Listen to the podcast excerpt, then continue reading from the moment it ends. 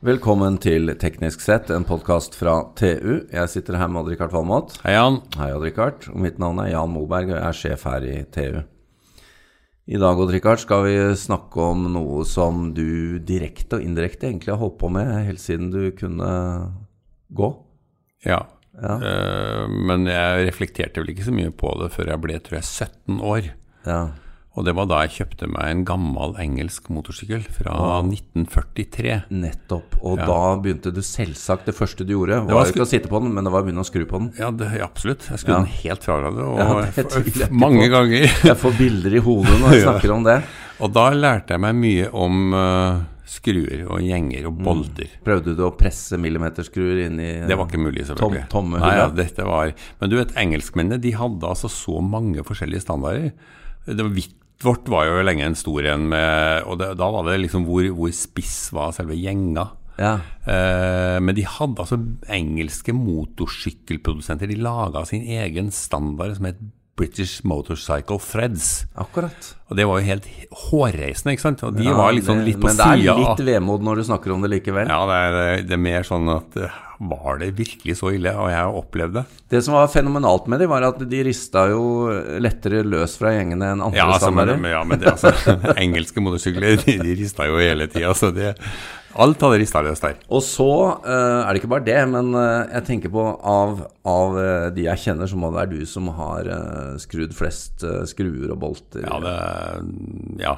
det var i hvert fall blant de ikke-profesjonelle. Alle standarder på skruhodet, fra det flate jernet til flere stjernestandarder. Definitivt. Ja, vi har jo et par stjernestandarder. En gammel, den gamle kryssporet. ikke sant. Og så har vi fått eh, endelig Torx nå. Altså, det er i mål, altså, syns jeg, da. Du blir litt lykkelig når du snakker om Torx. Torx er fantastisk. Men du vet at store produsenten Vyrt, Ja. de har jo laga sin, sin egen Torx-standard, de.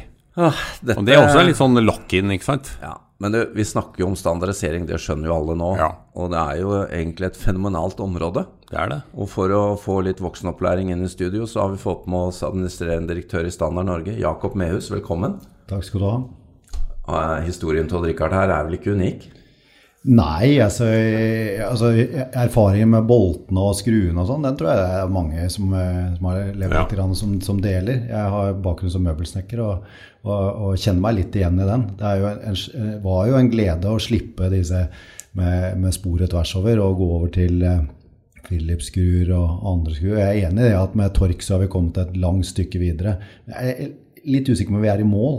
Ja, det, er, det, er, det, var, det er fortsatt veldig vakkert å se en perfekt innskrudd med bare tvers over skrue inn.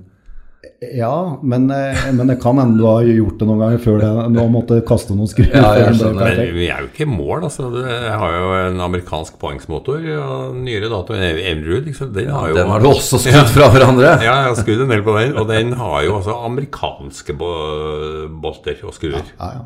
Eh, Men også tror jeg at selv om Tork er tilsynelatende en nesten uoverkommelig eh, smart, så jeg, tipper jeg at det kommer noe enda smartere. Nettopp. Kanskje. Selvskruende skruer. Ja. Ja. Men Jakob, du må, du må fortelle litt om eh, Nå har vi innledet litt om noe som er opplagt, som mange antagelig forstår. Men det dreier seg om mange andre typer standarder òg. Og i Standard Norge så sitter jo dere her og egentlig er involvert på en haug med områder. Eh, Fortell litt om hvordan dere jobber og, og perspektivet på ting.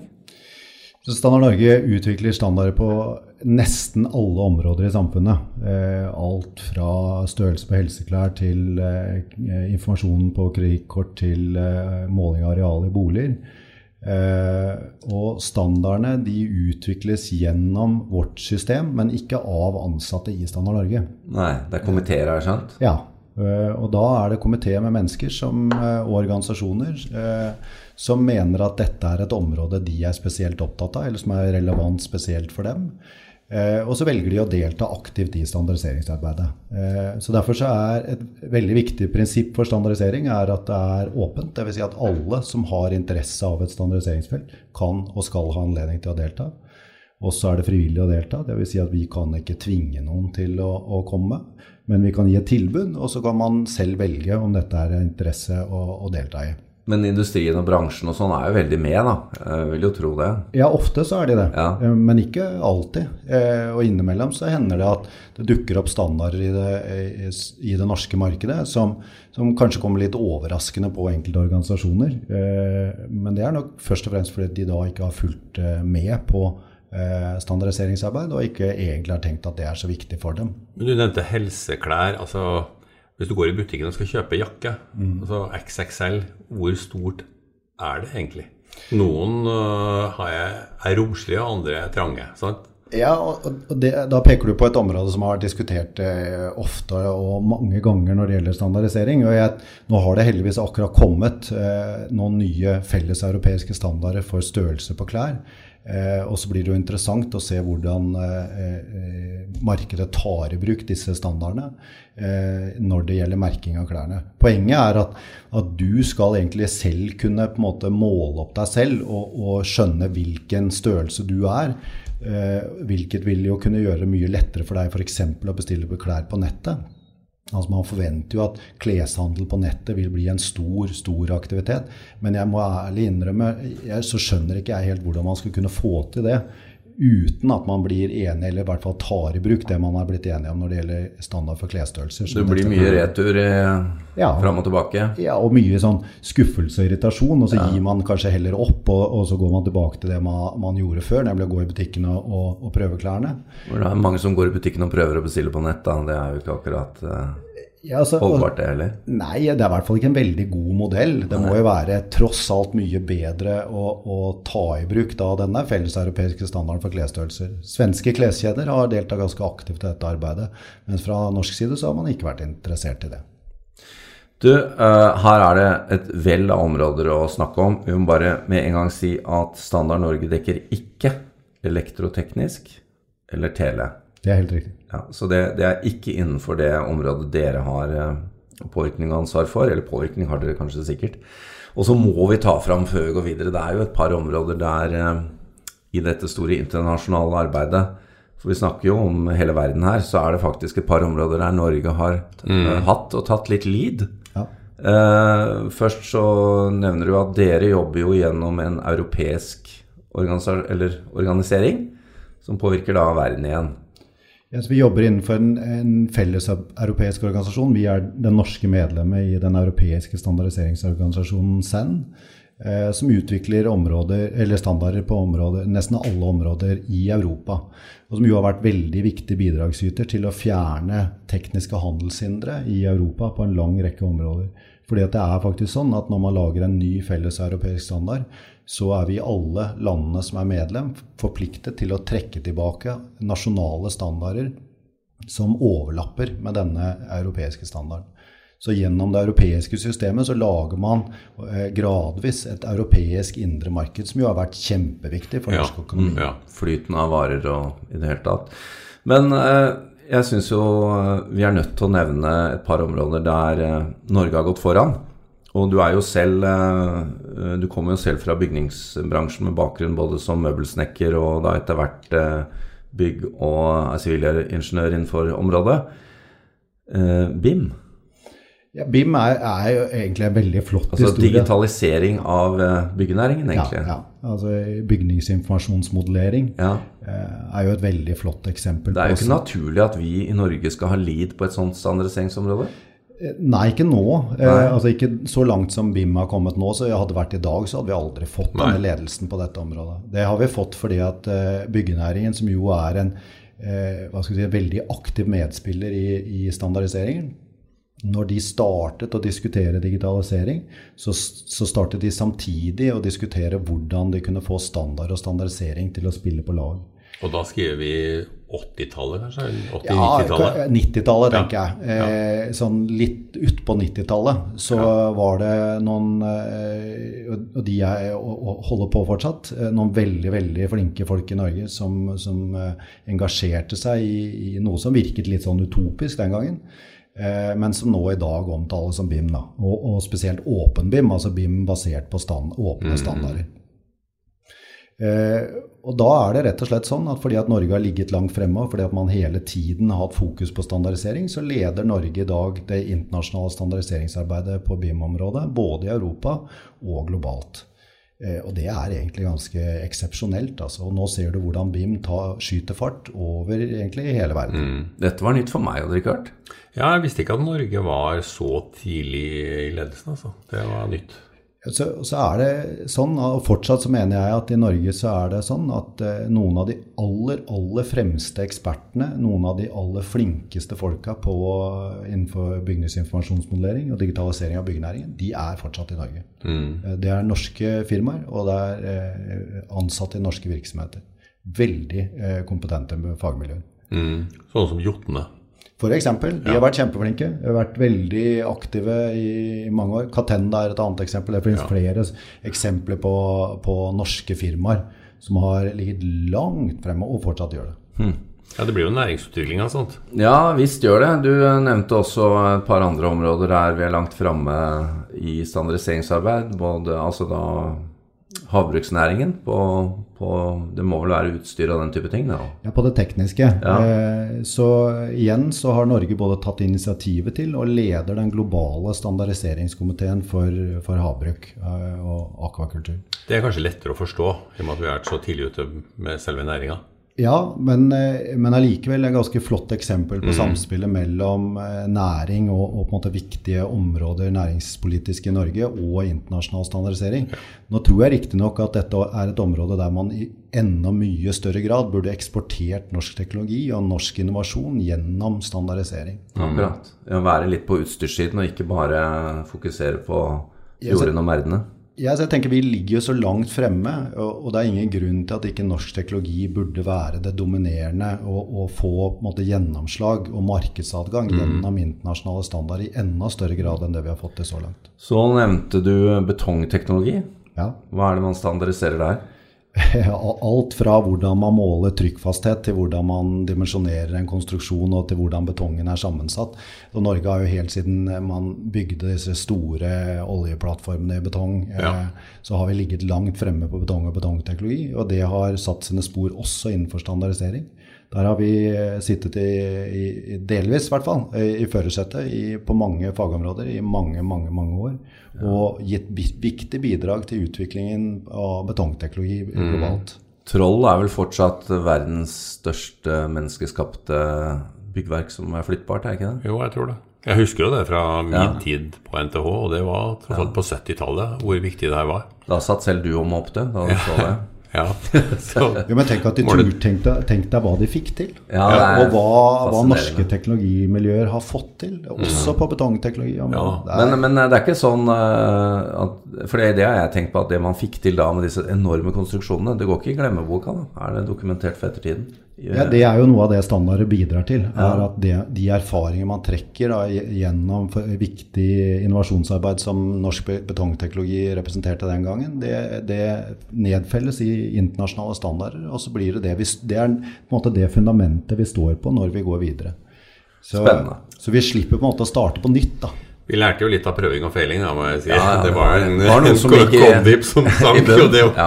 Men det kommer jo ingen vei uten å gjøre det. Ja, altså, Nei, må jo ikke synke, jeg mener ikke det, men, men, men, du kommer ingen vei uten å, uten å strekke deg litt, uten å ta en porsjon risiko. Ja.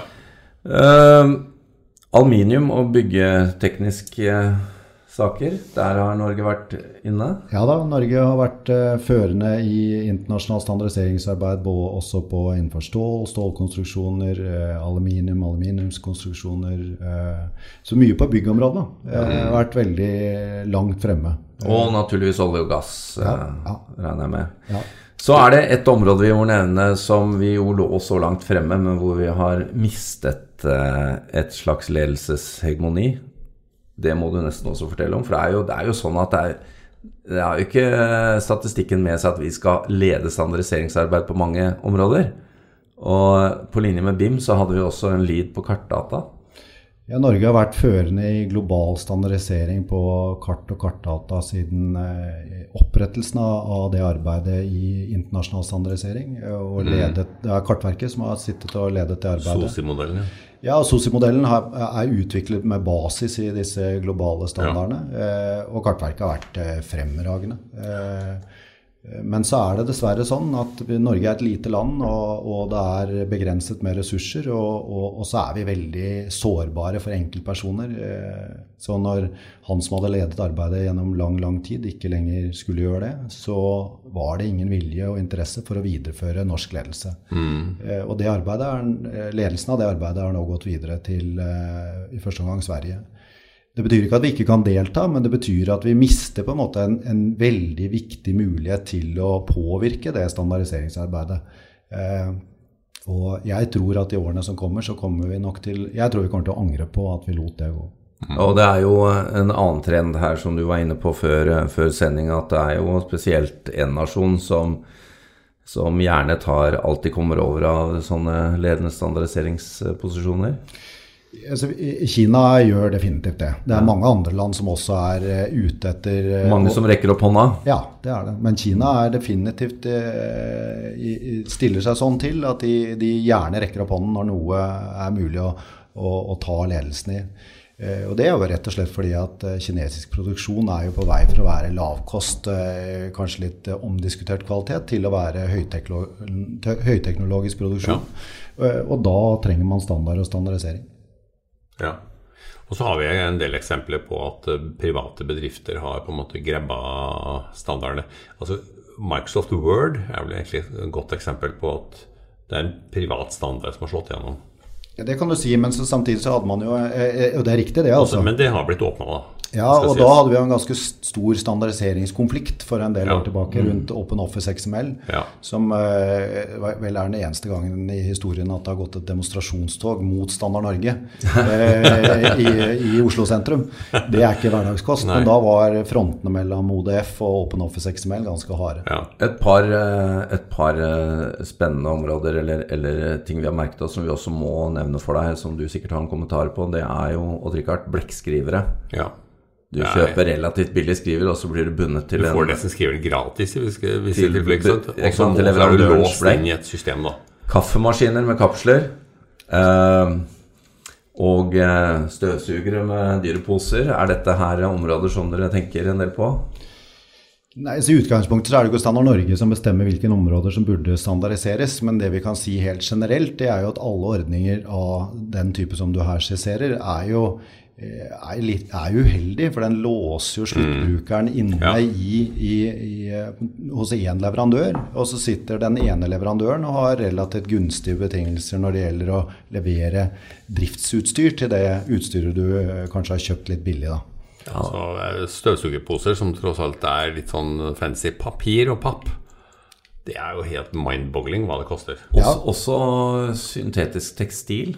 Det er mye fancy støvsugerposer her, skjønt. Ja, det er det. Men Rikard, vi er nødt til å nevne, at du var jo nettopp i Barcelona på Mobile World Congress. Og mobiltelefoner også er et sånt område hvor det er mye forskjellig med ladeplugger og alt mulig rart. Ja, det har blitt bedre. da. Altså, når de ja. kom, så hadde jo alle sin ladeplugg. Mm. Nå er det jo fordelt på to, egentlig. Det er altså USBC, som er mm. alle bruker, og så er det Apple som har sin egen Lightning-kontakt. Ja. Og det er klart, eh, alt som har med Lightning å gjøre, koster jo litt. Det gjør det. det, gjør det. Eh, og alle som har en sånn forretningsmodell hvor de på en måte har låst deg til noe, eh, mm. er sikkert begeistret for det, men det, det koster litt. Da. Det gjør det. Jeg vet ikke hvor mye, mange ganger dyrere kaffen er med disse kaffekapslene, men det er ikke få. Nei, det, du, og maskinen er ikke så dyr heller. Nei. Det er Nei, det Kaffen koster vel 800 kroner kiloen? Ja, vi er nødt til å gå, gå, inn for landing. Men jeg syns det er verdt å merke seg det, det du har nevnt, eh, Jakob. Nemlig at uh, når vi snakker om disse standardiseringsløpene, så er, det veldig, eh, så er det veldig fort gjort at jeg og andre tenker på de eksemplene der det ikke fungerer. Ja. Du hadde jo et par her på ja da, det, det, man blir jo irritert av det. Ja. Altså man blir, jeg, jeg skal til Brussel i dag, og da tenker jeg, når jeg reiser til Brussel, tenker jeg, å, da slipper jeg å ta med meg den der converteren for Ja. pluggen eller ladeplugg. Eh, og det blir, man blir irritert av sånne ting som, som tilsynelatende burde, være, burde bare virket på tvers av landegrenser, på tvers av sektorer. Året er 2018, for pokker. Ja. Og så er det noen ting som er for sent. Altså den elektro, elektriske infrastrukturen i bygninger og sånt nå, det tror jeg det er for sent.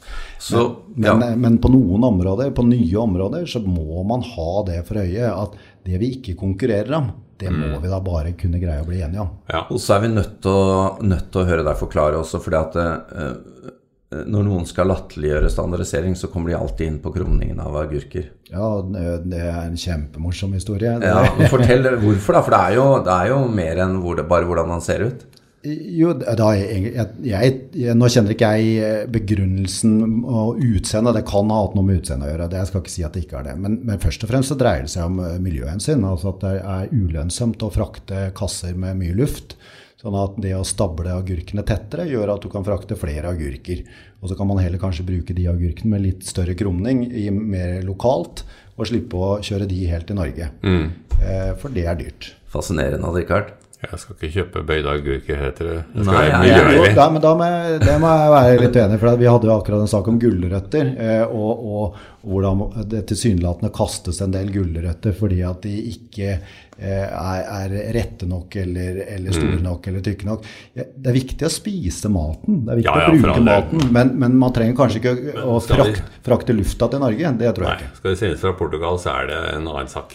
Tenk på det, Richard, hvor billig vi kan fly i framtiden, bare vi blir pakka anføttes Ja. inn i, inn i takk. flybuken. Jeg ser for meg det, Jan. Jakob Meus, takk til deg. Dette er superspennende. Og vi har jo fått tips her, Odd Rikard, om eh, nordmenn vi er nødt til å snakke med som sitter i ledende fora. Det har vi. Takk. Tusen takk.